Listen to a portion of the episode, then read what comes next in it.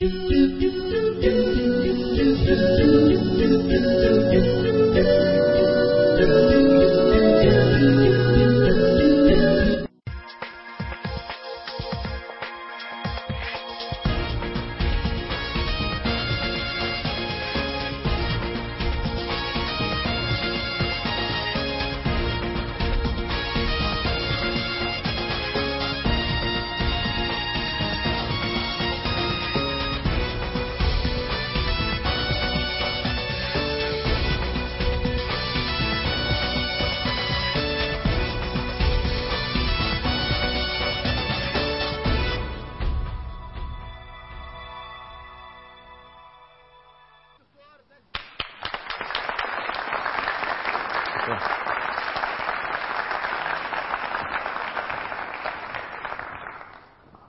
الله الرحمن الرحيم السلام عليكم ورحمة الله وبركاته وأرحب بكم مع برنامجنا الوسطية في حلقة جديدة نتحدث فيها عن الخطاب الإسلامي المعاصر بين النضج والانفعال خطابنا اليوم نحن كدعاة كعلماء ك...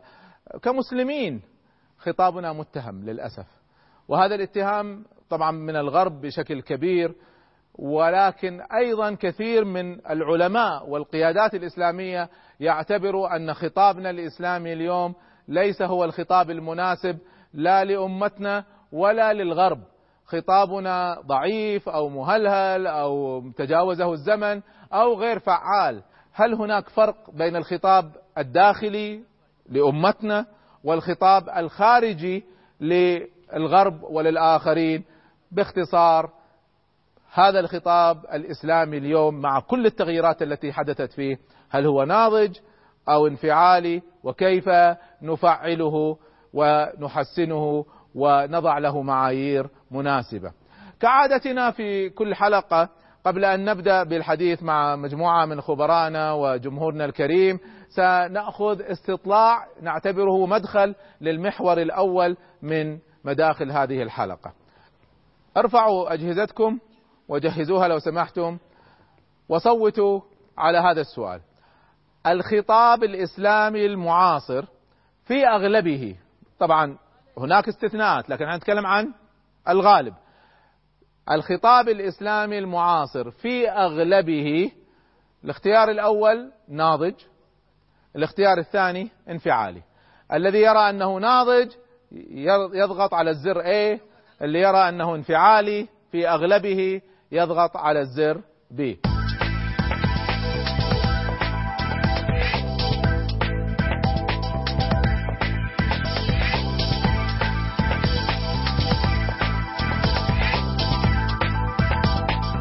الجمهور صوت بعد الفاصل إن شاء الله. سنأخذ نتيجة التصويت ونبدأ بالحوار حول الخطاب الإسلامي بين النضج والانفعال. نلقاكم بعد قليل إن شاء الله.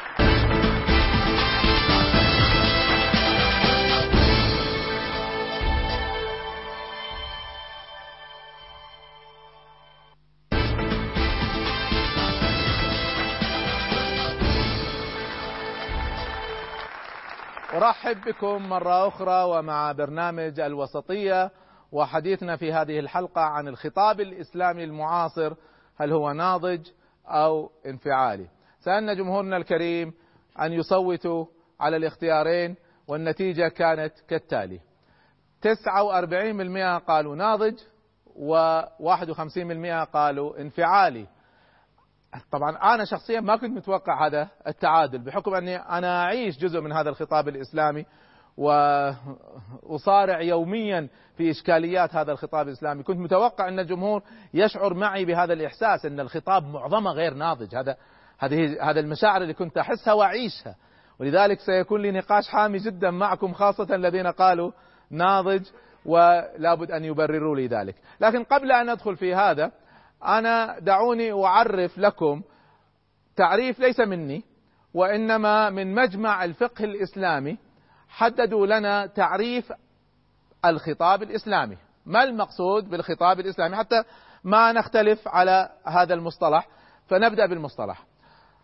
هو الخطاب الإسلامي هو طريقة التعبير التي تبين حقائق الإسلام وشرائع الإسلام في شتى مجالات الحياة الخاصة والعامة. إذا مرة أخرى نحن لا نتحدث عن النص. لا نتحدث قال الله تعالى قال رسول هذا مسألة لا شك أنها ناضجة. لكن حديثنا هؤلاء الدعاة والعلماء الذين يوصلوا هذا النص وفهمهم للنص كيف يصل إلى الناس؟ فالخطاب الإسلامي المقصود به هو طريقة التعبير. طيب سيكون محورنا الأول هو سؤال لحضراتكم. أنتم انقسمتم قسمين بعضكم يرى أنه خطاب ناضج وبعضكم يرى أنه خطاب انفعالي. فدعونا نسأل هذا السؤال ما هي المظاهر؟ الذي قال أنه ناضج رأى مظاهر معينة والذي رأى أنه انفعالي أيضا رأى مظاهر معينة. طيب إحنا عندنا ما شاء الله مجموعة كبيرة من الخبراء والمختصين ومستويات عالية جدا أنا أريد أن معكم أرحب ترحيب خاص بأخي أستاذ بسام العموش وزير سابق ونائب برلماني وخبير في هذه القضايا ومحترق بنار الخطاب الإسلامي كثيرا أنت كيف صوت أستاذنا؟ آه، يعني الناظر في واقعنا يجد أنه هو خطاب انفعالي إذا كنا نتحدث عن خطاب واحد ولكن أنا لي تحفظ على العنوان نفسه فنحن نعم. أمام خطابات متعددة أيه. ثم حتى هذا التعريف الذي أشرت إليه هو لا يتحدث ممن الخطاب ولمن الخطاب نعم. فإذا كنا نتحدث مجرد آه، بدون أن نسند لمن هذا الخطاب هناك خطاب رسمي من الدول هناك خطاب من الدعاة هناك خطاب من الأحزاب هناك خطاب من حركات صحيح. عن أي خطاب نتحدث هناك نتحدث عن كل هذا ف... كان فأنا أعتقد أنه هو خطاب انفعالي وخطاب غير منضبط وخطاب متعارض.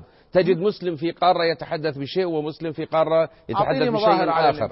هناك آه. إسلاميون يرون أن الديمقراطية مبدأ وبالتالي يعارضونها هناك من يرى أنها آلية ويتعاملون من خلالها. كبار مفكرين محمد قطب يرى أنها كفر ولا يجوز التعامل بها. حزب التحرير الإسلامي يرى أنها كفر ولا يجوز التعامل بها. فعن أي خطاب يعني؟ تمام. لابد أن يعني نحدث من يتحدث عن الخطاب. يعني إذا إذا جئنا لحولنا كلمة الخطاب إلى الفكر طبعا الناس ستختلف في الفكر. أنا ما عندي مشكلة أن هل تتوقع أن في يوم من الأيام بهذا المفهوم نصل إلى التوافق ورأي واحد؟ سيبقى الفكر مختلف. يعني حتى لو دخلنا في إطار ما يجري الآن في واقع البلاد الإسلامية وبالذات القضايا الساخنة يعني كنا نتحدث مرة في عرب ال 48 وما موقفه من دخول الكنيست. نعم. الآن نتحدث عن خطاب سني ولا خطاب شيعي. نعم. وما هو الموقف؟ هناك أشخاص ليسوا أصحاب علم أصدروا فتاوى وأصدروا مواقف وتعلقت بدماء من هذا الطرف أو من ذاك. الآن في عندنا فضائيات تنتصر لهذا الرأي أو لذاك. فأنا أعتقد أنه إحنا نعيش في حالة فوضى وليس فقط في حالة انفعال. يا ليت عندنا خطاب واحد منفعل ولكن أنا عندي انفعالات متعددة في الخطاب. طبعا هذا رأي ورأي مهم من إنسان عاش هذه المسألة. عندنا معنا الدكتور محمود سيد دغيم من بريطانيا وعايش في الغرب. هل اولا هل هذه ظاهرة فقط عند المسلمين ولا أيضا هي عند الغربيين؟ ثم قبل ذلك كيف صوت؟ ناضج أم انفعالي؟ أنت قلت في الغالب. أي نعم. في الغالب انفعالي. في الغالب انفعالي لأن مقياس الخطاب الناضج بالنسبة حسب ما أراه أنا نعم. هو اقتراب الخطاب إلى تجسيد ما في الكتاب والسنة والإجماع ودراسة قضايا الأمة في ضوء مقاصد الشريعة. حينما يكون هذا الخطاب منسجما مع هذه النقاط الكلية حين ذاك نستطيع أن نقول هذا الخطاب ناضج سواء على صعيد الداخل أو على صعيد الخارج. أما الخطابات الحالية فأنا أصنفها في عدة تصنيفات. هنالك لدينا خطاب ضمن أهل السنة والجماعة. تجد التطرف الصوفي والتطرف السلفي. نعم. ثم تنتقل في نفس الوقت لدينا خطاب الحكومات ولدينا خطاب المحكومين ولدينا خطابات الأحزاب. صحيح. وتجدها متناقضة متضاربة في معظم الأحيان. حيث تأخذ المصلحة الخاصة على حساب المصلحة العامة. إذا لا نستطيع أن نقول لدينا خطاب إسلامي واحد إنما نقول أن هنالك مقياس لهذا الخطاب. إذا التزم بكليات الإسلام فهو خطاب إسلامي. فأنت مقياس فأنا هذا المقياس أرى بناء عليه أن هنالك خطابات انفعالية أكثرية. نعم. أما الخطاب الملتزم فهو, فهو الحقيقة قليل جدا حينما تصل الأمور إلى المصالح الشخصية. طيب بس أنا أحب أكد هنا على مسألة ذكرها وأعتقد أن وجيهة أن الواحد يدرسها ويتأمل فيها أن أحد المعايير الرئيسية التي يجب أن نقيس عليها هو أهداف الشريعة التي سماها علماءنا مقاصد الشريعة. هذه الشريعة ما جاءت فقط حلال وحرام ويجوز ولا يجوز. هذه الشريعة تهدف إلى تحقيق مصالح البشر وضروريات حياتهم وحاجياتهم وتحسن أدائهم وتزين الإسلام والمسلمين. فإذا كان الخطاب متوافق مع هذه الأهداف أنت تعتبره ناضج. ناضجا. وإلا فهو ليس كذلك. أستاذ فايز جالس جلسة كذا زعلان ولا محتج ولا إيش قصتك؟ متحفز متحفز طيب قول إيش رأيك؟ آه، اولا آه، يعني ليتنا نفرق بين الكلمة خطاب إسلامي أم هو خطاب مسلمين؟ طيب. عندما نقول يعني خطاب العفو في حد لا في حد يتكلم باسم الإسلام ويمثل الإسلام؟ آه خطاب طبعا مسلمين طبعا. طبعا. يعني الكل الكل عندما يتحدث في الخطاب الإسلامي نعم. يدعي أنه يتحدث باسم الإسلام. وبالتالي حديثه باسم الإسلام قضية في غاية الخطورة. اظن نحن ممكن نتفق أن ما في أحد يستطيع أن يقول أنا أمثل الإسلام سواء حزب أو دولة أو شخص. عندما تفتي أنت نيابة عن الشرع. نعم بس أنت تفتي برأيك تقول هذا فهمي للشرع.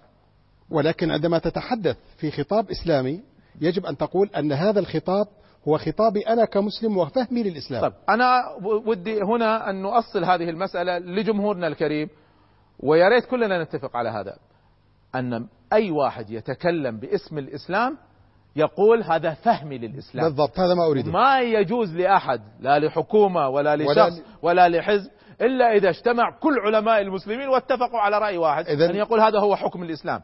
فكل ما سنتحدث عنه هو آراء الأشخاص أو آراء نعم. الجهات التي تفتي أو تبدي وجهة نظر في أي قضية. فإذا هذه مسألة إحنا حسمناها. طيب كم من رأيك لو سمحت؟ النقطة الثانية يعني تعليقا على الموضوع أنا أرى أن خطابنا في الغالب هو خطاب انفعالي أنت تؤيد أنه انفعالي نعم كذلك. أنا أؤيد نعم. ولكن أريد أن أفرق بين الحرقة في الأداء وبين المضمون آه. يعني قد يبدو الشخص منفعلا حماس لأنه يعني لديه حرقة على آه. الإسلام لديه حرقة على الواقع لديه رغبة في التغيير وأعتقد أن هذا مباح نعم يعني ال الانفعال الحماس ولا نعم هذا م... يعني نفرق بين المضمون الحماس. مطلوب. نعم. وبالتالي نفرق بين الانفعال في الأداء أو في الشكل وبين الخطاب كمضمون. المضمون. نعم. عندما يكون المضمون مضمونا انفعاليا هنا هي الخطورة وهنا هي المشكلة. أنت ترى أن الخطاب الإسلامي في مضمون انفعالي؟ آه، فيما يؤدى أنا فيما يؤدى في الواقع في كثير في مما نعم. نس... في كثير مما نسمع. وفي كثير مما يتداول سواء في المساجد في خطب الجمعة في الإعلاميين في خطاب الأحزاب. هذا حديثنا عن هؤلاء جميعا. أنا أرى أنه خطاب انفعالي في الغالب. ما هو منضبط بعقلانية الإسلام صحيح. وبحكمة الإسلام؟ صحيح. تتؤيد هذه المسألة. صحيح. إحنا علمونا لما كنا ندرس إدارة وفن اللقاء لما تشوف واحد كذا قاعد قاعدة خاصة معناها في عنده تفكير عميق. فأنا شايفها في أستاذنا صلاح الدين الجورشي. فنسمع منك لو سمحت. شكرا لا يعني لا أدعي بأنني سيكون رأيي عميق. لكن فقط أولا أردت أن أقول بأن المشكلة ليست في طريقة التعبير. يعني نعم. أنا عندي آه عندي تحفظ على, على التعريف. تعريف الذي ذكره مجمع الفقه الإسلامي. يعني وكأننا مشكلتنا في أسلوب التعبير عن عن الفكر الإسلامي. إحنا عندنا مشكلة في مضمون الخطاب المضمون. أنت أنت إذا أنت تريد أن تعرف الخطاب الإسلامي أنه ليس فقط طريقة التعبير وإنما محتوى نعم. الحديث مضمون الحديث أيضا. طيب. ويمكن أن تتجلى هذه الانفعالية في المضمون في أربعة نقاط أسردها بسرعة حسب طلبكم الله يرضى عليك. وأنت دائما ما شاء الله ملتزم بهذا. أولا أنا أعتقد أن هناك مشكل في المنهج. نعاني في قضية التفكير عند المسلمين عموما بما في ذلك الإسلاميين. مشكلة منهج. إيش تقصد المنهج يعني طريقتنا في التفكير. نعم. يعني كيف نركب الأفكار؟ كيف نحدد النظرية؟ كيف نبني المنظومة؟ خطوات الوصول إلى النتيجة. إلى النتيجة. هذا هو المقصود بالمنهج. نعم. ما هي المقدمات؟ وكيف نربط بينها ونحللها نصل لنصل إلى نتيجة. يعني عندنا مشكلة في هذه المسألة. يعني الكثير من الكتابات سواء الكثير من التصريحات يعني يبدأ بالنتيجة. يعطيك يعطيك الموقف. هو مقرر الحكم هو مقرر مسبقا الحكم مسبقاً. بدون ما يحط القواعد ولا الافتراضات الصح. لا يحتاج إليها ما يحتاجها هو هو الذي يمثل الإسلام صاحبنا خلاص. المشكلة الثانية هناك فجوة كبيرة بين الخطاب والواقع. نعم. ففي في في في في في, في فجوة آه، لابد أن نحلل أسبابها. طيب أنا بس على هذه المسألة. هناك فجوة بين الخطاب والواقع. أنا بس أريد أغير الجو عشان بس الناس تكون إيه. معنا نعم. ما يكون يعني كلام فكري و- لأن حديثنا أساسا للشباب أنا سأضرب مثل على هذا نعم. أنا أذكر لما كنت دخلت في التجنيد الإلزامي عندنا وكنا طلبة كلنا عزاب ما فينا ولا واحد متزوج ولسه خريجين جامعة وأخذونا للتجنيد وكان جزء من الدورة التدريبية أن عندنا مادة ثقافة إسلامية فكان يأتينا شيخ عشان يفهمنا الإسلام الشيخ بدأ معنا بالحديث عن الطلاق. إحنا بعدنا ولا واحد متزوج أصلا. ففعلا في فجوة هائلة بين حاجة الأمة ونوعية الخطاب التي يسمعها شباب الأمة اليوم. نعم. ال- نعم. طيب تفضل أستاذ صلاح. المظهر الثالث. ال- الم- إيش أستاذ محمود؟ صفقوا للطلاق صفقوا للطلاق ها؟ المظهر الثالث لهذا الخلل نعم. يرتبط في مستوى أن الخطاب الإسلامي عموما هو خطاب تراثي. ماذا يعني خطاب تراثي؟ نعم. يعني ما زلنا نخوض ونبتدع ونحاول أن نفكر حول مسائل تجاوزتها المرحلة التاريخية ولكننا بقينا متعلقين بذلك. وأ- وأوضح أكثر. لا- لا- أنا مع مع العودة إلى التاريخ نعم. مع العودة إلى الماضي. لكن فرق بين أنني أعود إلى الماضي لكي أؤسس الحاضر والمستقبل وبين أن أفقد الوعي التاريخي. في ناس ما زالوا يطرحوا قضايا بين المرجئة والمعتزلة والخوارج وإحنا ما عندنا هذه المشكلة. أنت ذكرتني أيضا بقصة. سامحني أنا قاعد إيه، اقاطعك تفضل، بس عشان. نحي... أنا جيت أنا القصص أنت, أنت تعطيني الموضوع وأنا أعطيك المثال. دخلت مرة في مسجد في أمريكا لما كنت أدرس هناك نعم. في ولاية كولورادو. ودخلت وإذا الدرس في المسجد كان عن القديانية. فبعد ما انتهى الدرس جاءت فترة الأسئلة فرفعت إيدي أسأل. فقلت أنا أريد أن أسأل الجمهور هل فيكم إنسان قابل قدياني في حياته؟ فولا واحد مقابل قدياني في حياته. طيب يا شيخ أنت ليش قاعد تتكلم عن القديانية؟ ففعلا هناك انفصام. هذه قضية موجودة في بلد آخر أو في زمن آخر وصاحبنا يريد أن يتكلم عنها. انفصام تاريخي زمني أو مكاني. آخر قضية عندك؟ آه، المؤشر الأخير هو أن آه، آه، خطابنا يقوم على رد الفعل على الأحداث.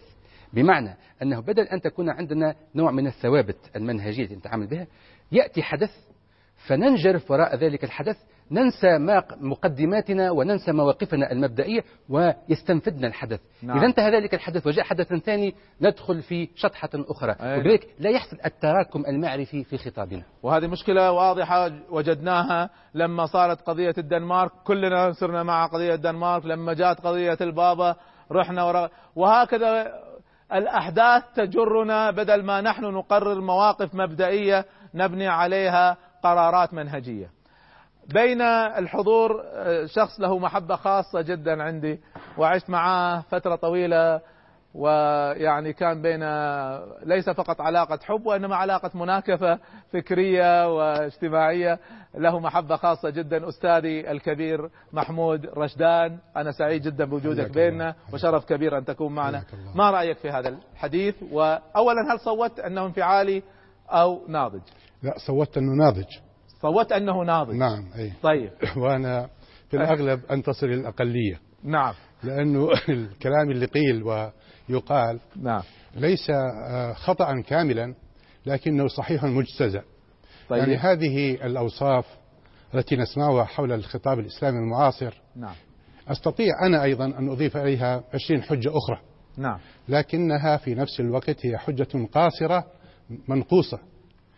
آه، وأي خطاب ليس فقط الخطاب الاسلامي المعاصر إذا أردت أن أوجه له نقدا بهذه الطريقة نعم أستطيع أن أقول ليس هناك خطابا لا في العالم الإسلامي ولا في العالم الغربي ناضج بالتعريف الذي ذكرناه آه. لأن الانفعال أو ردة الفعل جزء رئيسي من الانفعال من الخطاب الحياة. من هدف الخطاب أصلا نعم. الذي لا يتأثر بما حوله خاصة إذا ما حوله هو أقوى منه وهو مهيمن عليه وهو الذي يفعل الأحداث يكون فيه نقص فردة الفعل ليست عيبا لكن نوعية ردة الفعل هل هي مكافأة غير مكافئة مناسب غير مناسب؟ صحيحة غلط؟ نعم. طيب فحقيقة أنا أعتقد أن الخطاب الإسلامي المعاصر قد نضج نضجا كبيرا. ممكن تعطيني مظاهر لهذا النضج مثلا قضية الديمقراطية نعم. والتعددية تداول السلطة. نعم.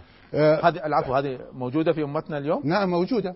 أستطيع أن أقول من على الأقل ينظر إليهم أنهم يمثلون وعادة إذا تكلموا نحن لا نستطيع أن نساوي شخص يتكلم مثل الشيخ يوسف القرضاوي مثلا نعم. وتأثيره ومرجعيته مثل شخص آخر أستطيع أن آتي بعشرات الكلمات منه نعم. ويظهر على التلفزيون وعلى القنوات وأقول هذا خطاب إسلامي وهذا خطاب إسلامي نعم. لا غير صحيح لأنه مرجعية العلماء أمثال الشيخ يوسف القرضاوي والمرحوم محمد الغزالي رحمة الله عليه وأبو العالم وغيرهم نعم. آه، تأثيرها على الأمة المسلمة وعلى العالم أكثر بكثير من تأثير أشخاص يظهرون ملثمين باسم الإسلام أستاذ محمود أليست هذه استثناءات يعني حتى في داخل الحركة الإسلامية الديمقراطية يعني أحيانا ما تكون ممارسة بشكل صحيح لا أنا أقول والرأي الآخر يكبت ولا لا, لا؟ أنا أقول كان هذا لكن دو دو آه، دليل أنها ناضجة نعم. أنها تغيرت كثير جدا الحركات الإسلامية التي نعرفها نعم. الديمقراطية مؤسسة عفوا ممارسة فيها أكثر بكثير من الأحزاب التي اسمها الديمقراطية. أي. نحن في البلاد العربية عندنا أحزاب كثيرة أكثر من 30% منها كلمة الديمقراطية في اسمها نعم. ولا تمارس الديمقراطية. في الدكتاتورية نعم صحيح. نعم لا تمارس الديمقراطية بيظهر من وسائل الحكم. لكن الحركة الإسلامية نضجت نضجا كبيرا ونحن نعلم وأنت تعلم أن كبرى هذه الحركات الإسلامية تتكلم عن الديمقراطية كآلية وتتبعها وتمارسها في في صفوفها. فإذا الخطاب الإسلامي في رأيي الذي يخاطب جماهير الأمة المسلمة هذه القضية الرئيسية نعم. ثم الغرب بشكل رئيسي نعم. آخر كلمة لو سمحت آخر كلمة بأنه قد نضج يعني بمعنى أنه لم يثبت نعم. نحن وأريد أن أشير إلى كتاب صدر حديثا لكاتب رحمة الله عليه التركي الربيع آه، حول الخطاب الحركات الإسلامية في الخطاب العربي المعاصر وهو يساري نعم. وقومي ويحلل أن اتهام الخطاب أو الحركات الإسلامية بخطابها. معظمه جاء اتهامات جاهزة من الحركات اليسارية الحركات القومية الغربية وهو يفند هذه الادعاءات. نعم. فالذي أعنيه بأنه نعم تستطيع أن تأتي بالدليل على عدم النضج والانفعالات لكن أستطيع أيضا أن أقول بأنه إذا خاصة منذ الثمانينات هناك كتب ومقالات كثيرة كتبت داخل الحركات الإسلامية وداخل الظاهرة الإسلامية أنضجت ولا زالت تنضج ليس خطابا نهائيا أستاذ محمود انت انت أستاذي وذا كان صعب علي إني آه، يعني أقطعك لا أتوقف. لكن شكرا أشكرك على ما ذكرته. آه، أستاذ سامي سامر أستاذ سامر خير. آه، أنت لك رأي في أو لك احتكاك في الحركات اليسارية والرأي اليساري. وأستاذ محمود أشار إلى هذه المسألة وبحكمك صحفي أيضا تعرف الخطاب الإسلامي ومدى نضجه، اولا كيف صوت؟ يعني لا أوافق أنا على هذه الثنائية إما أنه ناضج أو انفعالي. نعم. آه على أي حال هو ليس ناضجا. يعني من حيث البدء، لكن من قال أن الخطابات الأخرى مثلا القومية اليسارية هي خطابات ناضجة. نعم. الخطاب الإسلامي هو أبن البيئة الموجود فيها. م. يعاني من, المسا... من المشكلات الثقافية التي تعاني منها جميع الخطابات الأخرى. نعم. آه يعني على سبيل المثال مشكلة الحسم في الرأي. يعني تحدث عنها الدكتور صلاح. نعم. صاحب الخطاب الإسلامي مع اعتراضي على التسمية أيضا. يعتقد أنه هو رأيه هو الصواب والنهائي والصحيح والشرعي. يعني يعتقد كما تفضلت حضرتك أنه هو الممثل الشرعي للإسلام. اي نعم. كل واحد يظن أنه هو اللي يمثل الإسلام أو جماعته تمثل الإسلام. هذا جزء من عدم النضج الرئيسي الذي عندنا صحيح؟ نعم هذا من حيث الشكل. أما نعم. من حيث المضمون فالمشكلة نعم. الأساسية في الخطاب الإسلامي التي سماها الدكتور صلاح أيضا المشكلة التراثية آه، نسميها المشكلة الماضوية هي المشكلة الايش؟ الماضوية. الماضوية من نعم الماضي. التطلع إلى الماضي. نعم. أو, آه، أو البقاء في الماضي. نعم على أي حال نعم. هي يعني الجانب الثقافي في المشكلة الذي ينعكس على جميع الخطابات الأخرى آه، هي دائما البحث عن نموذج. يعني إذا نريد أن نتذكر الشيوعيين العرب دائما يعني ما جابوا الأفكار الماركسية ليطبقوها وإنما تطلعوا إلى النموذج السوفيتي وأرادوا أن يطبقوه، هاي مشكلة ثقافية يعني لدينا جميعا إن دائما نبحث عن نموذج لنطبقه. طيب. الخطاب الإسلامي يبحث عن نموذج في الماضي ويريد أن يطبقه ويقيس على الماضي ويريد أن يتوقف عند الماضي. طيب إحنا الآن سمعنا رأيين وكلا الرأيين طبعا بسبب أن التصويت كان منقسم فسمعنا الرأيين وكلا الرأيين له أدلته في هذه المسألة. آه، نريد أن نأخذ استطلاع. آه، وبعد الاستطلاع نأخذ فاصل. أشار سادتنا العلماء إلى أن هناك مشكلة في الشكل وهناك مشكلة في المضمون. أنا قبل التصويت بس أريد أتكلم شوية عن الشكل. الشكل يتمثل في أنا الإسلام وليس غيري. ممكن أعتبرها من المضمون لكن هذه ممكن أعتبرها من الشكل. آه، أريد أذكر قصة صغيرة وبعدين أيضا تفكروا أن الشكل هو متعدد لما أول مرة قدمت برنامج في التلفزيون بعد عودتي من أمريكا كان هذا الكلام في سنة 92 ميلادي وكان إخواني الدعاة اللي يسموهم دعاة الجدد عمر خالد وكذا إلى الآن ما ظهروا في التلفزيون. فبعد ما قدمت برنامجي اتصلت في واحدة من كبار البلد وقالت لي كلمة أنا استغربتها حين في حينها بشكل يعني غير طبيعي. قالت لي أنا أحب أشكرك يا دكتور على شيء في برنامجك. قلت لها خير. قلت احب أشكرك إنك تتكلم في الدين وتبتسم. أنا بالنسبة لي فعلا كان مفاجأة. قلت يعني اللي يتكلموا في الدين ما يبتسموا. وكنت لسه راجع من أمريكا يعني. فبديت أقلب القنوات الفضائية. وإذ في مشكلة في الشكل. لكن سؤالي لكم المشكلة الأكبر هل هي في المضمون أم في الشكل؟ أستاذنا محمود يقول إن إحنا نضجنا. هل عندنا مشكلة في الشكل؟ اللي يرى إن ما نضجنا هل عدم النضج يتمثل في الشكل أكثر ولا في المضمون؟ مرة أخرى السؤال عشان تقدروا تصوتوا. السؤال مرة أخرى المشكلة الأكبر كلاهما فيه مشكلة إذا اعتبرنا فيه مشكلة. المشكلة الأكبر في الخطاب الإسلامي المعاصر تتعلق ب اللي يرى المضمون يضغط A واللي يرى الشكل يضغط B وسنرى نرى النتيجة.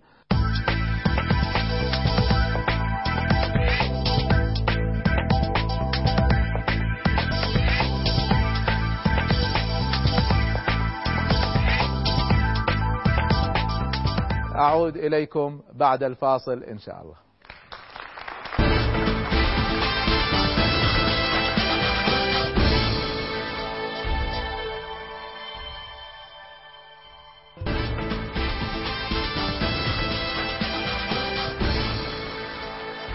شكرا لكم. مرة أخرى نرحب بكم مع برنامج الوسطية وحديثنا عن الخطاب الإسلامي المعاصر الذي يمارسه العلماء والدعاة والحركات الإسلامية والأحزاب بل حتى بعض الجهات الرسمية. هل هو خطاب ناضج أم خطاب انفعالي؟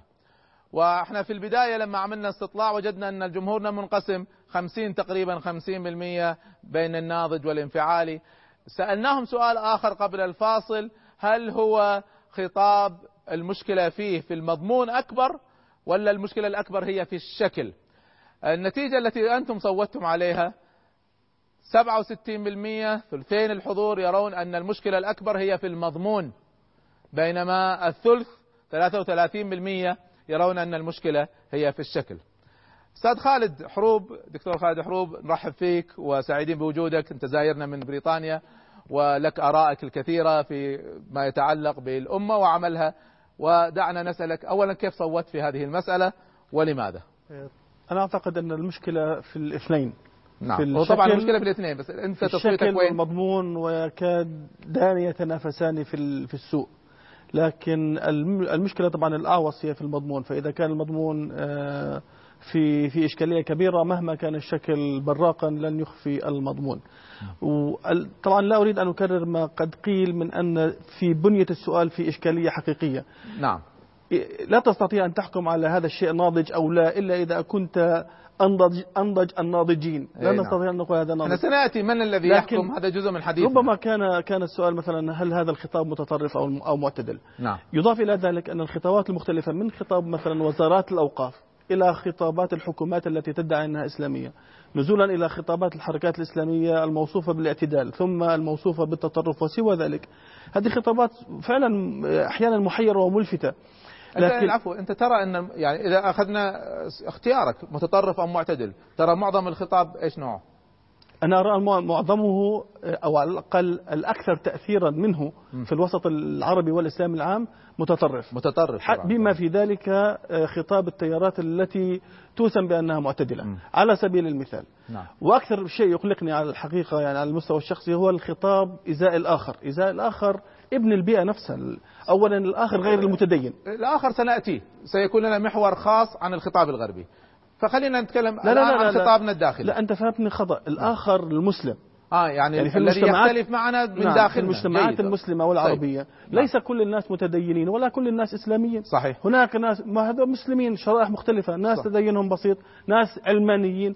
ناس يساريين ناس قوميين ناس حتى ملحدين. نعم وهم ضمن مجتمعنا. ضمن مجتمعنا. نعم. الآن الخطاب الخطاب الإسلامي إزاء هذه الشرائح خطاب إقصائي وتكفيري ويكاد يكون يريد أن يزيحهم من كل هذا المجتمع ومن الفضاء وهم خطابهم تجاه نعم. الإسلاميين نفس الشيء طبعا. لكن مضمون الحلقة خطاب الإسلام تجاههم. نعم. الخطاب الإسلامي تجاههم. نعم. فهذه فهذه مشكلة حقيقية. الآن الخطاب ضد الآخر غير المسلم المسيحي وما زلت أنا أتحدث عن المجتمعات العربية مجتمعاتنا نعم. يعني ماذا نستطيع أن نصف عندما يكون الدعاء في المساجد؟ اللهم عليك باليهود والنصارى. طبعا هذا شيء كل يوم جمعة. نسمعه صحيح. وجاري مثلا مسيحي أو مثلا جاري يهودي وأنا في المغرب على سبيل المثال أو مثلا في الجزائر. يهودي جزائري مواطن له حق المواطنة. لا لا أنا بضيف يعني مرة واحد قاعد الإمام يدعي اللهم دمر اليهود والنصارى وواحد من الجالسين زوجته مسيحية.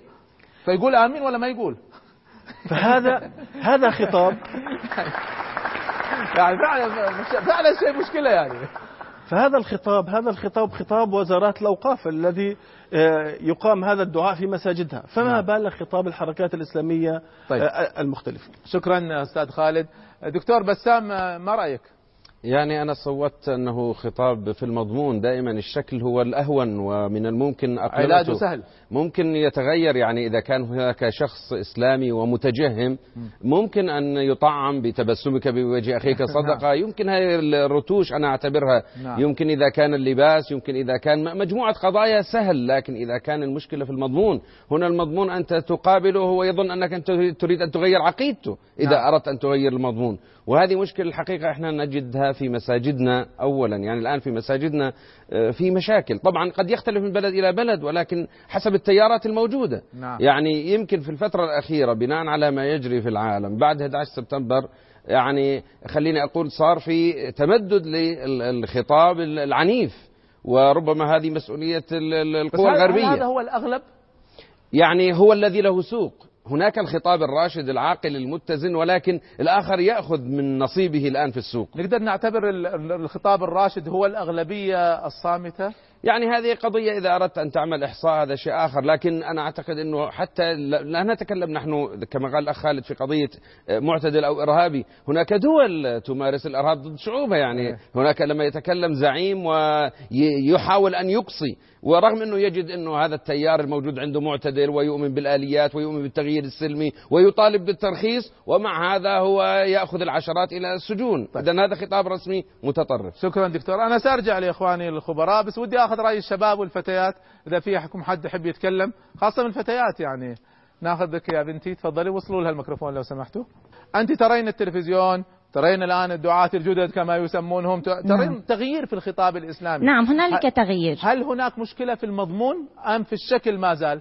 أه لا أصبح هنالك تغيير في المضمون. الوضع أحسن؟ الوضع أحسن مما كان عليه ما زال عندنا مشكلة؟ ولكن لا زال لدينا مشكلة. مشكلة أكبر في ظنك؟ في المضمون. ما زالت رأيك في المضمون؟ نعم في المضمون. إيش اللي مزعجك في المضمون؟ ممكن أسمع بس رأي قضية واحدة أه على الأقل. يعني عرض اختلاف الأمة. نعم. بشكل عام. يعني لازلنا يعني نظهر آه اختلافنا فيما بيننا.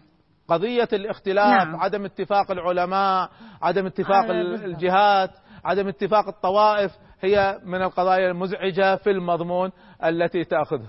طيب الآن أستاذنا الدكتور أحمد عزم رحب فيك وأنت متخصص في الدراسات الاستراتيجية وتدرس هذه المسألة بعمق. هذا جزء من عملك اليومي. ما رأيك؟ اولا كيف صوت وبعدين ما رأيك يعني أنا برأيي هو المشكلة الأكبر في المضمون أكبر من الشكل نعم. قد يكون ما زال في مشكلة كبيرة بالشكل زي ما تفضلت في موضوع مثلا خطب الجمعة أحيانا زي ما قال خالد في كثير من الألفاظ والتعابير اللي تستخدم لكن أعتقد إنه الشكل في تحسن إلى نعم. حد كبير هل المضمون أيضا في تحسن؟ المضمون قد يكون في بعض الجوانب في تحسن ولكن يعني خليني أحكي أين التحسن في الشكل مثلا؟ نعم. الآن أصبحنا نسمع الإسلاميين يتحدثوا عن المجتمع المدني. أصبحنا نسمع من الإسلاميين يقولوا أنه لا يوجد سلطة دينية في ولا دولة دينية. تحسن في المضمون. نعم خليني أكمل بس. هو في الشكل هذا من الشكل جيد. هلا عندما نصل إلى المضمون م. جيد يقولون إحنا مع المجتمع المدني. ما هي نعم. التفاصيل؟ آه، عندما تقول نتكلم عن التعددية الآن الكثير يتكلم أنه الآن عندنا تعددية جيد أن الإسلاميين الآن يتحدثوا عن التعددية نعم. ولكن ما هي التعددية التي يتحدثون عنها نعم. هل هناك تعددية عقائدية وليس فقط تعددية سياسية لأنه, لأنه عندما تصل إلى التفاصيل إلى المضمون نعم. نجد أحيانا يبدأ وضع شروط تفرغ التعددية من مضمونها نعم. فعندما يقال لك التعددية في مظلة الإسلام معنى نعم. ذلك أن اليساري وغير اليساري هو خارج إطار هذه التعددية أنت إذا تتكلم عندنا مشكلة أن في مصطلحاتنا العامة تحسنا نعم. لكن في حقيقة هذه المصطلحات وإسقاطها على الواقع ما زال عندنا مشكلة. من الخارج أيوه الشكل تحسنا، في المضمون هناك ما يسمى الآن كثير من الإسلاميين والمفكرين والكتاب يسموه المناطق الرمادية. أي نعم. الآن لدينا الكثير من المناطق الرمادية التي تحتاج من علمائنا ومفكرينا ومراكز دراسات اللي تشتغل أن تجيبنا و... عليها. شكرا دكتور. عندنا مشكلة وأنا أعتقد وأؤيد الدكتور خالد إحنا عندنا مشكلة. نحن تحسنا في الخطاب الإسلامي. طرحنا الحرية طرحنا الديمقراطية تجاوزنا كثير من إشكالاتنا طرحنا التعددية. لكن فعلا لما نأتي أنا مرة كنت أسمع قبل أقل من عشر أيام يعني أحد أحد كبار الإسلاميين يتكلم عن عن هذه القضايا. قالوا لا أنتم ما تريد ماذا تريدون؟ قال نحن نريد مجتمع مدني بمرجعية إسلامية. قالوا إيش معنى هذا الكلام؟ قال نحن كلفنا واحد يدرس. عندنا إشكال كبير في هذه المسألة. طيب ناخذ واحد من الشباب. آه ناخذ آه أستاذ خالد. نعم ممكن تعطوا الميكروفون للأستاذ خالد. آه أول شيء أنا أريد أسألك سؤال صغير نعم. وبعدين نقول ما تشاء. نعم. خطباء الجمعة اللي أنت تحضر لهم نعم. أنت تستمتع طبعا بحديث. نعم. استمتع آه، أنا بدي أحكي عن هذا الموضوع. يلا. آه، بالنسبة لخطباء الجمعة. نعم. هي مش زي ما حكى الدكتور خالد والاخوه الأفاضل إنما الإثخان في الدعاء. قتلهم وسبي نسائهم واجعلهم للمسلمين هم وأموالهم و و إلى آخره من هذا نعم. الدعاء. ولكن وأصبح يعني أصبحت أشعر أن المسلم يعني بمجرد ما دخل في المسجد ورفع أكفه بالدعاء إلى الله أصبحت هذا يعني أسقط عنه فريضة الجهاد. حقيقي نعم. واستحضار صلاح الدين. آه، نحن آه، يعني أنا أود أن آه، يعني أصل إلى نقطة. إيش المشكلة بس؟ أن صلاح الدين لم يبرز كبطل أسطوري عظيم. نعم. هناك جيل أبرز بطل كصلاح الدين. يعني قائد أنا القائد هو نتيجة مجتمع. نتيجة مجتمع. وكما تكون يولى عليكم. لا نعم. نريد أن نصبح دولة إسلامية عظمى غدا. لا نعم. نريد. إنما نريد أن نعيد بناء المجتمع الإسلامي بطريقة صحيحة تناسب بما أن المسلم والإسلام صالح لكل عصر وزمان هو إعادة البناء بطريقة صحيحة نعم. لكي ينتج بشكل طبيعي عظماء من من من هذا طيب. المسلمين. طيب. قبل ما أرجع أنا مرة ثانية طبعا لأني أحب أستاذ محمود حب خاص فحاعطيه يعني وزن أكثر من غيره. آه، ومن الحب ما قتل. صحيح. طيب. آه، أنا سأذكر لك قصة هنا أو قصتين وتعلق على ما سمعت على هاتين القصتين. في قضية الخطاب الفقهي على فكرة يعني أيضا أنا أشعر بمشكلة كان مرة أستاذنا العلامة الكبير الدكتور يوسف قرضاوي يتحدث عن هذه الظاهرة. يقول بعض الفقهاء أو بعض أئمة المساجد نايمين طول السنة. لما يأتي رمضان يبدأ ينشط هذا الشيخ. ويبدأ يسوي دروس في المسجد. فيسوي دروس عن ماذا؟ يسوي دروس عن الفقه. فيبدأ بباب الطهارة الذي يبدأ به الفقهاء. فيتكلم عن الوضوء وعن الطهارة وعن الغسل وعن التيمم. يقول وينتهي رمضان وإحنا لسه بالحمام. فهذا هذا هذا مثال لواقع نراه.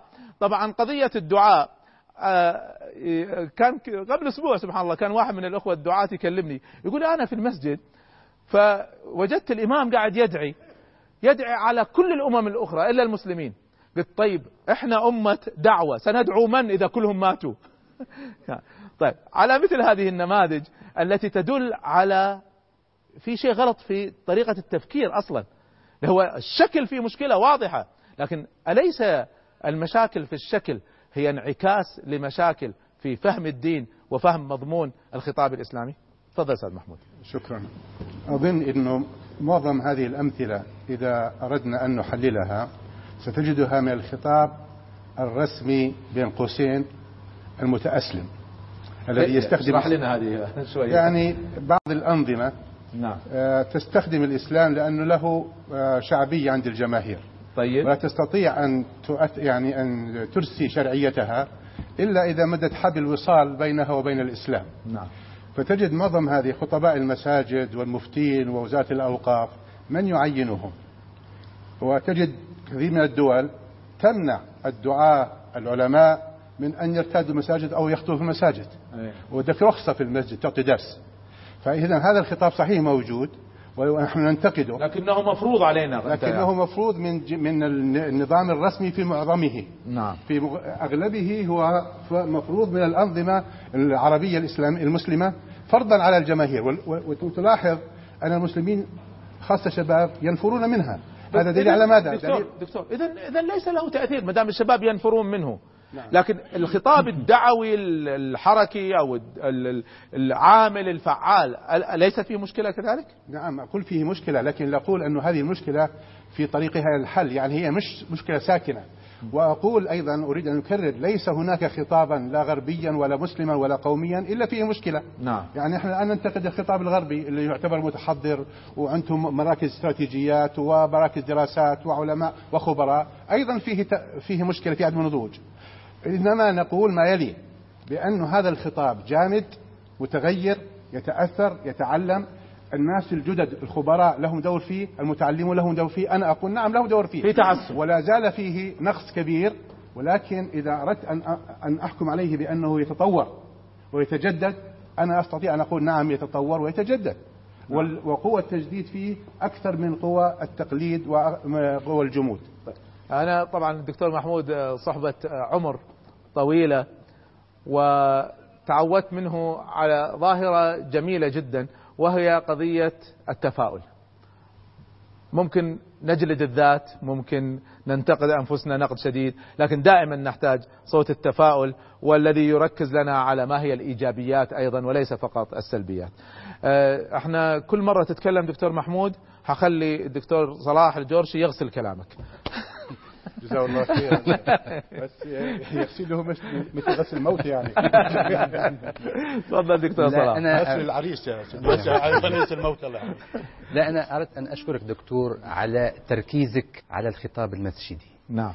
لأن هذا الخطاب في تقديري يحتاج إلى مراجعة جذرية. نعم. هذا الخطاب ملغوم. وإذا وضعت الأولويات قبل أن نتحدث عن أي أولوية أخرى فأنا أقول إذا أردنا أن نبدأ عملية الإصلاح لابد أن نبدأها من داخل المساجد من الخطاب المسجدي نعم. هذا الخطاب يعاني من أمرين أساسيين نعم. أولا التسييس المفرط م.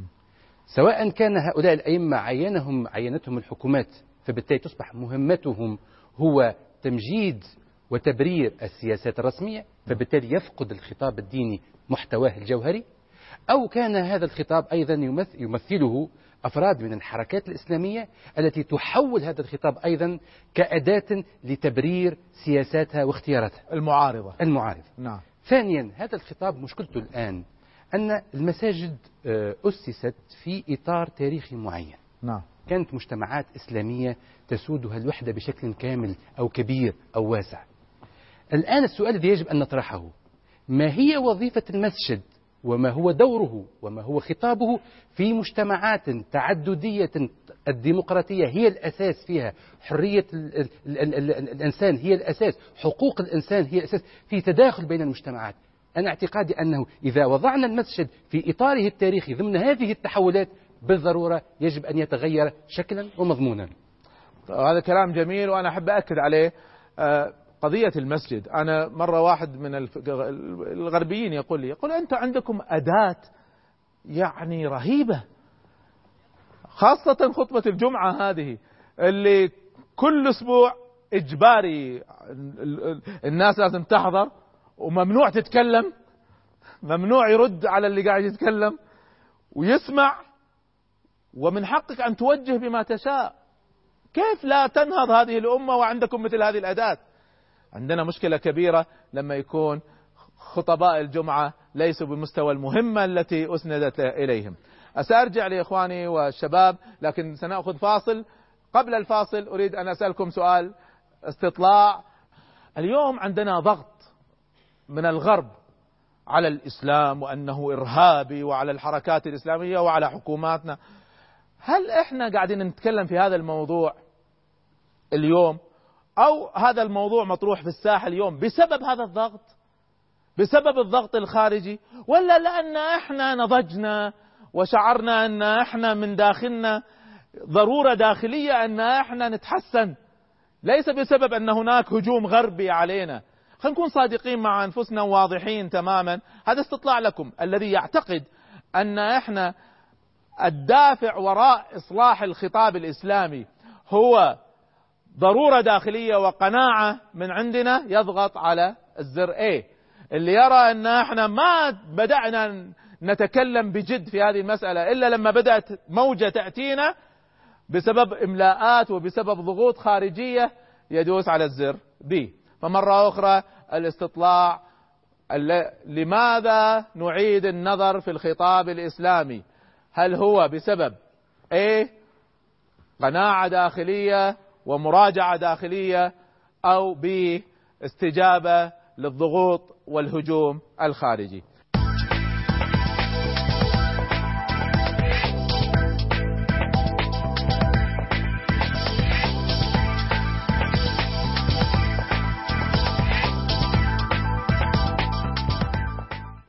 نأخذ هذا الاستطلاع ونتائجه ونتحاور فيه بعد الفاصل إن شاء الله.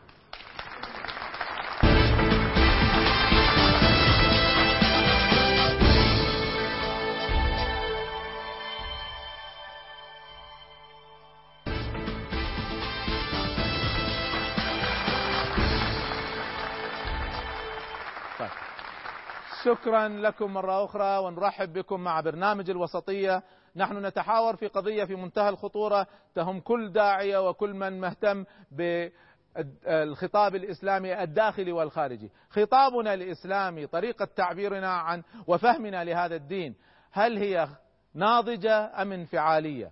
قبل الفاصل كنت سألت الجمهور الكريم عن الدافع وراء إعادة النظر في هذه المسألة أو إصلاح هذا الخطاب الإسلامي. هل نحن نعيد النظر لأن نحن شعرنا أن عندنا مشكلة ونضجنا وأردنا أن نناقشها؟ سمينا هذا ضرورة داخلية أم لأن هناك ضغط إعلامي وسياسي خارجي يقول نحن إرهابيين ونحن متخلفين فاضطرينا أن إحنا نستجيب لهذه الضغوط الخارجية. إخواني وأخواتي النتيجة هي كالتالي واحد وخمسين بالمئة يرون أن إحنا فعلنا هذا كضرورة داخلية. و49% يرون بسبب إملاءات خارجية. فأنتم منقسمين في هذه المسألة. دعوني أخذ بعض الشباب وسأنتقل للخبراء. فأنا طيب ناخذ بنتنا الكريمة هناك. وصلوا لها الميكروفون لو سمحتوا. أولا يا بنتي أنت تصويتك في كان في أي اتجاه؟ في ضرورة داخلية. أنها ضرورة داخلية. طيب اشرحي لنا ليش صوتي بهذه الطريقة؟ آه، لأنه دكتور أي شيء آه، سواء يعني بالنسبة للمجتمع العربي الإسلامي ما هو في الداخل سوف ينعكس على الخارج. نعم. يعني هاي ضرورة. إذا أصلحنا أنفسنا سينعكس هذا على خطابنا الخارجي طيب ناخذ أخ, أخ أو بنت أخرى. ناخذ ابننا الفاضل تفضل. سأنتقل للجهة الأخرى من الشباب أيضا. يعني هي أنا صوتت طبعا إنه ضرورة داخلية إنه إحنا فعلا لازم نصلح نفسنا. بس خلينا نشوف النبي صلى الله عليه وسلم كيف تعامل مع مع الخارج خلينا نحكي. نعم. آه بعت بعت للمدينة المنورة سيدنا مصعب بن عمير وهو يعني سفير ومنظر وإلى آخره. كذلك آه ما فعلوا مع طفيل الدوسي. نعم. إنه راح آه على دوس فما حدش استجاب فقال له ارفق بهم. نعم.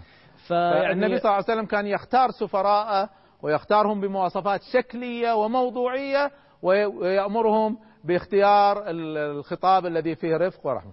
طيب أنا أريد من الشباب الذين يرون أن إحنا بسبب إملاءات خارجية من؟ ناخذ بنتنا الفاضلة تفضلي وصلوا لها الميكروفون لو سمحتوا. أنت ترين يا بنتي أن نحن استجبنا لأن علينا ضغط. اشرحي لي رأيك هذا لو سمحت آه، أنا بحكي إنه إحنا بسبب الضغط الشديد اللي صار على المسلمين والفهم الخاطئ للإسلام يعني هلأ الإسلام هو دين الإرهاب صار مم. بالتالي إحنا كمسلمين بما إن إحنا رافضين هاي الفكرة لازم يعني نطبق فكرة رفضنا ما تضلها إشي ببالنا يعني لازم تطلع الحياة الواقعية إحنا كيف رافضين هذا. هذا الحكي. إحنا كيف رافضين إنه ديننا؟ إحنا مش دين إرهابي. كلياتنا بتوقع إحنا استجبنا لهذا الإضغاط أكيد. الضغط وهذا بالتالي ظهر علينا بهذه الطريقة. طب هل غلط إن إحنا نستجيب للضغط إذا كان في صالحنا؟ أكيد لا. طيب هذا هذا جزء من السؤال. طيب ناخذ البنت الثانية تفضلي. آه، أنا بشوف المشكلة من ناحية إنه بسبب الضغوط الخارجية اللي إجت علينا بلشنا ننتبه إنه هناك في ضرورة داخلية إنه بحاجة فعلا إنه إحنا نغير من أنفسنا ونفهم الإسلام صح. الضرورة الداخلية ما جاءت بسبب تأمل ونظر وقناعة، لما ضغطوا علينا شعرنا إن إحنا فعلا عندنا مشكلة وخلينا نعيد فيها. طيب ناخذ أستاذنا محمود السيد غيم وإيش رأيك فيه؟ هل أنت عايش في الغرب؟ وشايف حجم الضغط اللي علينا. هل إحنا استجبنا بسبب هذا الضغط الخارجي؟ لا أنا أرى القضية أن المسلمين يوما بعد يوم يتفهمون لهذا الدين على حقيقته ولذلك تطور الخطاب إلى هذا المستوى وأنا آمل أن يتطور أكثر هو نتيجة الفهم الصحيح لهذا الدين لأن الإنسان حين قضية الضغط الخارجي والضغط الداخلي أنا أريد أن أنبه لدينا ضغط داخلي من قبل الملحدين واليساريين ومن قبل والقوميين. لا لا لا هذا حقيقة. يعني نعم. الآن نجد هنالك من يأتي خارج من دين الإسلام ويأتي لينظر للمسلمين. هذه كارثة حقيقية. هؤلاء يشكلون ضغط وهؤلاء ألسنتهم طويلة. ويمدونها على الإسلام وهم لا يفهمون الإسلام في جوهره دكتور أنا عايز أسألك سؤال. هذه حقيقة ما شفنا الظاهرة هذه قبل 11 لا سبتمبر؟ الظاهرة موجودة قبل 11 سبتمبر. بس ما كانت بهذا الوضوح. الظاهرة تتطور يوميا مع تطور العلوم الشرعية. ونحن نعلم أن نسبة الجهل في مجتمعاتنا الإسلامية سابقا كانت عالية. ويوما بعد يوم تزداد الدراسات الشرعية ويزداد اهتمام الناس بدراسة جوهر هذا الدين ولذلك فزيادة العلم عملية وزيادة الوعي هي التي زيادة الوعي هي التي تطور هذا الخطاب وتدفعه إلى الأمام. ونأمل أن يكون أفضل ونأمل من الذين يهاجمون هذا الخطاب لغاية في نفسهم أن يكفوا أن يسلموا أولا ثم ينقدوا. طيب أنت. طيب خطابك شوية ناري وانفعالي. هذا حقيقة هذا واقع. أنا أعاني من هؤلاء. أستاذ فايز قاعد لك قاعدة كذا إيش رأيك أستاذ فايز؟ أنا أعتقد أنه يعني جزء كبير من تغيير خطابنا نتيجة الضغط الخارجي. نعم. وخاصة في الخطاب السياسي. كانت هناك محرمات في الخطاب السياسي ما كان أحد يستطيع أن يخوض فيها سواء من حيث العلاقة مع الغرب أو من حيث الحوار مع الغرب. أو من حيث الحوار مع النظم السياسية صحيح. أو في موضوع المشاركة السياسية نعم. أو في موضوع التعددية والديمقراطية وحقوق الأقليات وحقوق المرأة وحقوق المرأة آه. وأنا أعتقد أن يعني هي الأصل أن يكون بيدي لا بيد عمرو الأصل لكن حقيقة رب ضارة نافعة أن هذا الضغط الخارجي أوجد لنا جزء كبير من إمكانية التغيير نتيجة هذا الضغط طيب. وبالتالي أنا أعتقد أنه فتح آفاق جديدة خاصة في إطار ما يسمى بالواقع السياسي. طيب. وأنا لا أريد أن تحتكر مجموعة أو شخصيات أو عدد من الناس. هذا الخطاب. الخطاب هو لعامة المسلمين لمجموع المسلمين. وبالتالي يعني لا نركز فيه على جانب دون أن نركز على جانب آخر. طيب. أنا عندي رأي في المسألة لكن ما شاء الله أنتم قاعد تعبرون عن هذه الآراء بقوة. أنا بدي أخذ أستاذ مأمون ما تكلم فنعطيه فرصة. نوصل الميكروفون. الدكتور مأمون جرار و من من يعني أقطاب الدعوة والحركة الإسلامية. ما رأيك؟ كرمك الله. الواقع أنا أرى أنهما عاملان آه، متكاملان أيهما أكبر؟ آه، أنا أرى أن العامل الداخلي هو المهم وهذا ناتج عن مراجعة ما نرى في واقعنا وفي فكرنا. يعني إحنا تحدثنا قبل قليل عن قضية المساجد. أنا أسأل عن تأثير الخطاب الإسلامي في المدارس. هناك نعم. مناهج للتربية الإسلامية في المدارس. ما تأثير على الأجيال؟ أنا أقول إنه ضعيف. نعم. ثم صحيح. إن الذين يتوجهون إلى الدراسة الشرعية وهم ثمرات في الغالب ثمرات كليات الشريعة هم ضعاف من حيث الذكاء والقدرة العقلية. وهذا الأمر يثبته لا تشرح لنا يعني تقصد أن من الذين يقبلون في الكليات الشرعية هم أصحاب النسب الضعيفة بالضبط. يعني. مع أن تاريخنا يدل على أن عباقرة الأمة كانوا يدرسون العلم الشرعي. طيب. طبعا لا أنكر أن نسبة لا بأس بها. من المتفوقين ويتجهون برغبة لكن هذا الواقع ماذا ثمرته؟ أين الفقهاء؟ أين المحدثون؟ أين العلماء؟ أين الموجهون؟ أين الدعاء الذين تنتجهم هذه الكليات. ولذلك ما يحدث اليوم يفترض أن يكون نتيجة عامل داخلي حتى نصنع مستقبلا أفضل من خلال هؤلاء الدعاء أصحاب الخطاب الراشد. شكرا أستاذ مامون. أنا أستأذنك أستأذن المخرج. أنا أريد أن أنتقل إلى الاستطلاع اللي بعده عشان أريد قبل ما تنتهي الحلقة. سؤالي لأبنائي وبناتي وإخواني الخبراء. يجب أن يكون للمسلمين خطابان مختلفان داخلي وخارجي. مختلفان. الذي يؤيد هذا يدوس الزر A اللي يعارض ويقول لازم خطابنا يكون واحد يدوس الزر B. صوتوا لو سمحتم.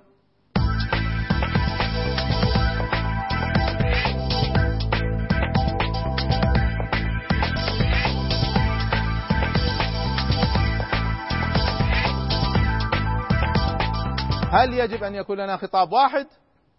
وما في تناقض بين الداخل والخارج؟ أم خطابان. سنرى نتيجة التصويت بعد الفاصل إن شاء الله.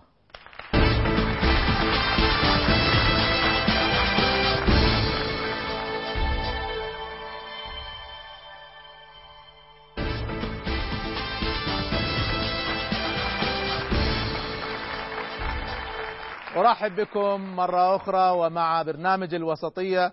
نحن نتحدث عن قضية هي فكرية ونخبوية لكنها تهم كل الأمة. خطاب الدعاة وخطاب الرسميين من العلماء وخطباء وخطباء الجمع وغيرهم. هذا الذي نسميه الخطاب الإسلامي. هل هو ناضج أم انفعالي؟ وكيف نفعله؟ كنت قبل الفاصل سألت الأخوة والأخوات الذين معي في الاستوديو حول موضوع الخطاب الداخلي بيننا كمسلمين والخارجي خطابنا لغير المسلمين خارج أمة الإسلام وبالذات للغرب. هل يجب أن نوحد هذا الخطاب ويكون خطاب واحد أم يكون خطابان؟ النتيجة أنا بالنسبة لي كانت مستغربة يعني مستغربها. آه الذين أيدوا أن يكون خطابان مختلفان 76% بينما 24% فقط يرون أنه لابد أن يكون خطاب واحد. أنا شايف تضايق شديد على وجه الأخ صلاح الدين فلذلك عاوز أسمع منك. يعني شفتك كذا تنرفزت لما سمعت النتيجة. بسم الله الرحمن الرحيم. أنا استغربت من هذا التصويت لأني أعتقد بأن مشكلة الفكر الإسلامي هي مشكلة بنيوية بالأساس بمعنى أننا إذا أردنا أن نعيد تأسيس هذا الخطاب في اتجاه أن يكون خطابا عقلانيا مستنيرا منفتحا عن العصر. فلا يمكن أن نفصل بين الخطاب الداخلي وبين خطاب موجه للخارج. نعم. هذا سيصيبنا بالانشطارية وسيجعلنا عندنا ازدواجية خطاب. ونحن دائما كإسلاميين أو كموجهين للرأي العام الإسلامي نتهم بهذا الازدواجية. أكثر من ذلك أنا أقول بأن هناك نوع من الوصاية. نريد أن نمارسها. أي يمارسها من هم في الداخل؟ على من هم في الخارج. نعم. فتكون بذلك مصيبة مضاعفة. لأن الخطاب الداخلي كما قلنا هو خطاب مهزوز ويحتاج إلى مراجعة. نريد أن ننقل هذا الخطاب إلى الغرب إلى المسلمين في الغرب. فدون أن نراعي الاختلافات الجوهرية الثقافية الحضارية القائمة بين لازم يكون خطابين. لا يكون خط... لا يكون خطابا. أنا نحكي أنا أتحدث عن عن الوضع الراهن الآن. طيب. الوضع الراهن يحتاج إلى مراجعة. أنا أحكي وتوجه أو الاتجاه لهذه المراجعة لابد أن يكون في اتجاه أحادي بمعنى أن يكون في اتجاه بناء خطاب إسلامي سواء كان في مصر ولا في تونس أو في أمريكا أو في فرنسا يكون خطابا يتجه نحو التجديد نحو الانفتاح نحو العقلانية. طيب يعني أنا ممكن أضرب مثال وبعدين نسمع الأستاذ خالد حروب لأنه عايش في الغرب. يعني هل ممكن إن إحنا نقول اللهم دمر اليهود والنصارى وبعدين إحنا نروح نقول إحنا ندعوكم إلى الإسلام ونحبكم؟ يعني هذا خطاب داخلي وهذا خطاب خارجي. هذا مثال ساذج يمكن أو بسيط. على قضية كبيرة جدا. إيش رأيك دكتور خالد؟ هذا مثال ممتاز. هذه المسألة لا يوضحها إلا الأمثلة لأن المسألة نظرية جدا. لكن نعم. إذا قلت نوجه خطاب داخلي للأمة وإلى آخره نعم. ثم نذهب إلى الغرب ونقول لهم نحن نؤمن بالديمقراطية وحقوق الإنسان والإسلام فيه كذا وكذا ثم نأتي إلى إلى بلداننا ولا نطبقها. الآن انتهت هذه المسألة. الآن الإعلام مفتوح ونعيش في عصر اتصالات وتواصل معولم يعلمون ما ما ما يخطب فيه هذا الخطيب في المسجد وهذه الدعوة التي يظن أنها في قرية نائية في أقصى أقاصي اليمن هذه الخطبة تصل وتترجم وتنتهي. لذلك نفضح أنفسنا ونبدو بمظهر كاريكاتوري لو سوينا خطابا إذا سوينا خطابا لكن اسمح لي بنصف دقيقة الحقيقة. يجب أن لا تنتهي هذه الحلقة. من دون أن أبدي بعض التعليق على رأي الزميل محمود آه، آه، دغيم. عندما قال أنه أن هناك بيننا علمانيين ويساريين وقوميين ويتحدثون في الأمور العامة. هو إذا هذا هذا هو الانفعال في الخطاب وهذا هو هذا هو تطرف الخطاب. في هذا الجو الجميل جدا في النقاش يريد أن يحرم شرائح واسعة جدا من العرب والمسلمين من التحدث في أمور مجتمعهم. إذا تأشيرة اهتمامك بأمور المجتمع هو أن تكون إسلاميا ومتدينا. اسمح لي دكتور خالد أنتقل لدكتور بسام. أنا أريد أن أسألك عن مثال محدد في ضمن هذه القضية وتعلق لي عليه. نحن نطالب الغرب أن يسمح لنا بالدعوة في بلادهم إلى ديننا. ونقول أن هذا من الحرية التي يطالب بها الإسلام. هل نحن أيضا سنسمح لهم بالدعوة في بلادنا؟ آه، أنا لفت نظري هذا التصويت وهذا التصويت آه، جيد أن يكون في نهاية الحلقة ليدلل على وجود مشكلة في الخطاب الإسلامي وفي الفهم للإسلام. نعم. آه، أعتقد أنه إحنا بحاجة أن نؤصل القضية. ماذا يريد الإسلام؟ هل يريد الإسلام يسمح لنا بخطابين أم خطاب واحد؟ أنا أعتقد من خلال دراستي للإسلام أن الإسلام لا يسمح لنا إلا بخطاب واحد إلا في حالة مرحلة الحرب.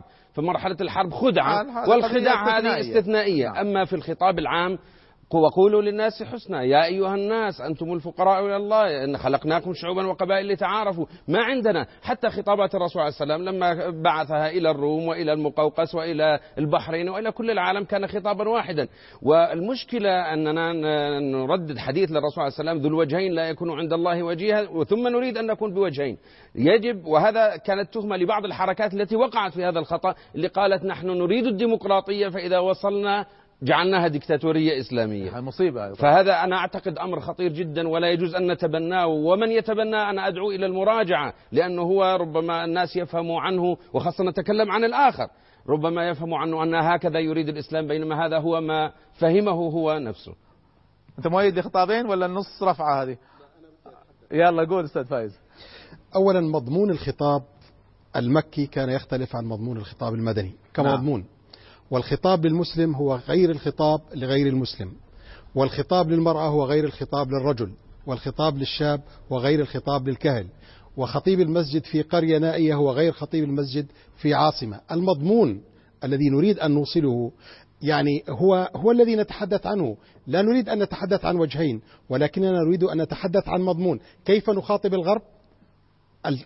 الخطاب سيكون مختلف كيف يمكن يعني أن يخاطب الداخل من الإسلام ما يناسب الغرب. ليس ما يناسب وإنما أسلوب الخطاب للغرب مضمون الخطاب للغرب لا باعتبارهم يعني الأسلوب هو الشكل. آه وباعتبارهم غير مسلمين كيف نتحدث إذا حننقي من الإسلام ما يناسبهم. آه باعتبارهم غير مسلمين. تمام. المضمون يعني يختلف. إذا خطابين. إذا الخطاب لغير المسلم وغير الخطاب للمسلم. أنا لا يمكن أن أخاطب المسلم كما أخاطب غير المسلم لأن غير المسلم لديه أشياء لابد أن أبدأ بها. المسلم قطع مرحلة في نعم. هذه الأشياء وبالتالي لابد أن يكون الخطاب مختلف من حيث المضمون. نعم. طيب طبعا الموضوع كبير وواسع. أنا سأختم بأستاذ لأني وعدته. سامحني أستاذي الدكتور أحمد وبعدها أنا سأختم بناء على انتهاء الوقت. تفضل أستاذ أحمد. يعني لا يمكن أن يكون هناك خطابان قد يكون في اختلاف في الكيفية. أنا أخاطب الكبير بشكل مختلف عما أخاطب الصغير. ولكن الخطاب في المضمون الرسالة في النهاية واحدة. وبالتالي لا يمكن. فالخطاب في الشكل إذا في الشكل أمر مختلف. أمر مختلف. لكن ولا يمكن أن يكون هناك خطابان نحن نعيش في عصر العولمة. مش كل شيء واضح. ثم نحن الخط... الإسلاميين لم يشكلوا خطاب واحد حتى الآن حتى نطالبهم بخطابين. نعم. نحن لم نبرر الخطاب الأول. وأنا أريد أن أختم بس فقط بشيء.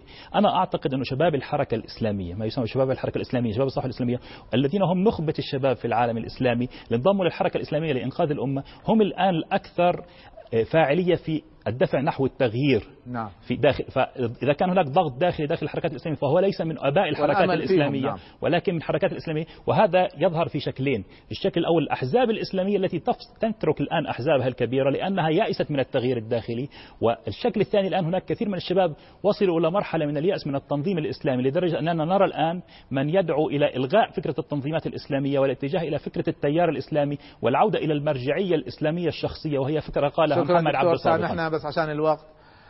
طيب كما لاحظتم جمهورنا الكريم هذا الموضوع واضح أنه فيه مشاكل رئيسية. وأنا سعيد أن إحنا فتحنا الباب للحوار في هذه المسألة على مستوى الأمة. هو مفتوح على مستوى العلماء والنخب لكن نحن نريد أن نفتح على مستوى الأمة. وإذا كان الشباب بالذات هم جيل التغيير والأمل في التغيير فإذا لابد أن يسمع الشباب هذا الكلام يفكروا فيه يبدأوا يبحثوا في هذه المسائل ينضجوا أفكارهم فيه. أنا طبعا شخصيا أؤمن أن الإسلام واحد لكن هذا الإسلام له مستويات. الرسول صلى الله عليه وسلم لما أرسل معاذ بن جبل إلى اليمن قال إلى ما تدعوهم؟ قال إلى لا إله إلا الله. قال فإنهم أجابوا. إذا أنا سأخاطب هو خطاب واحد لكني سأختار المستوى من الخطاب الذي يتناسب مع الشخص الذي أمامي.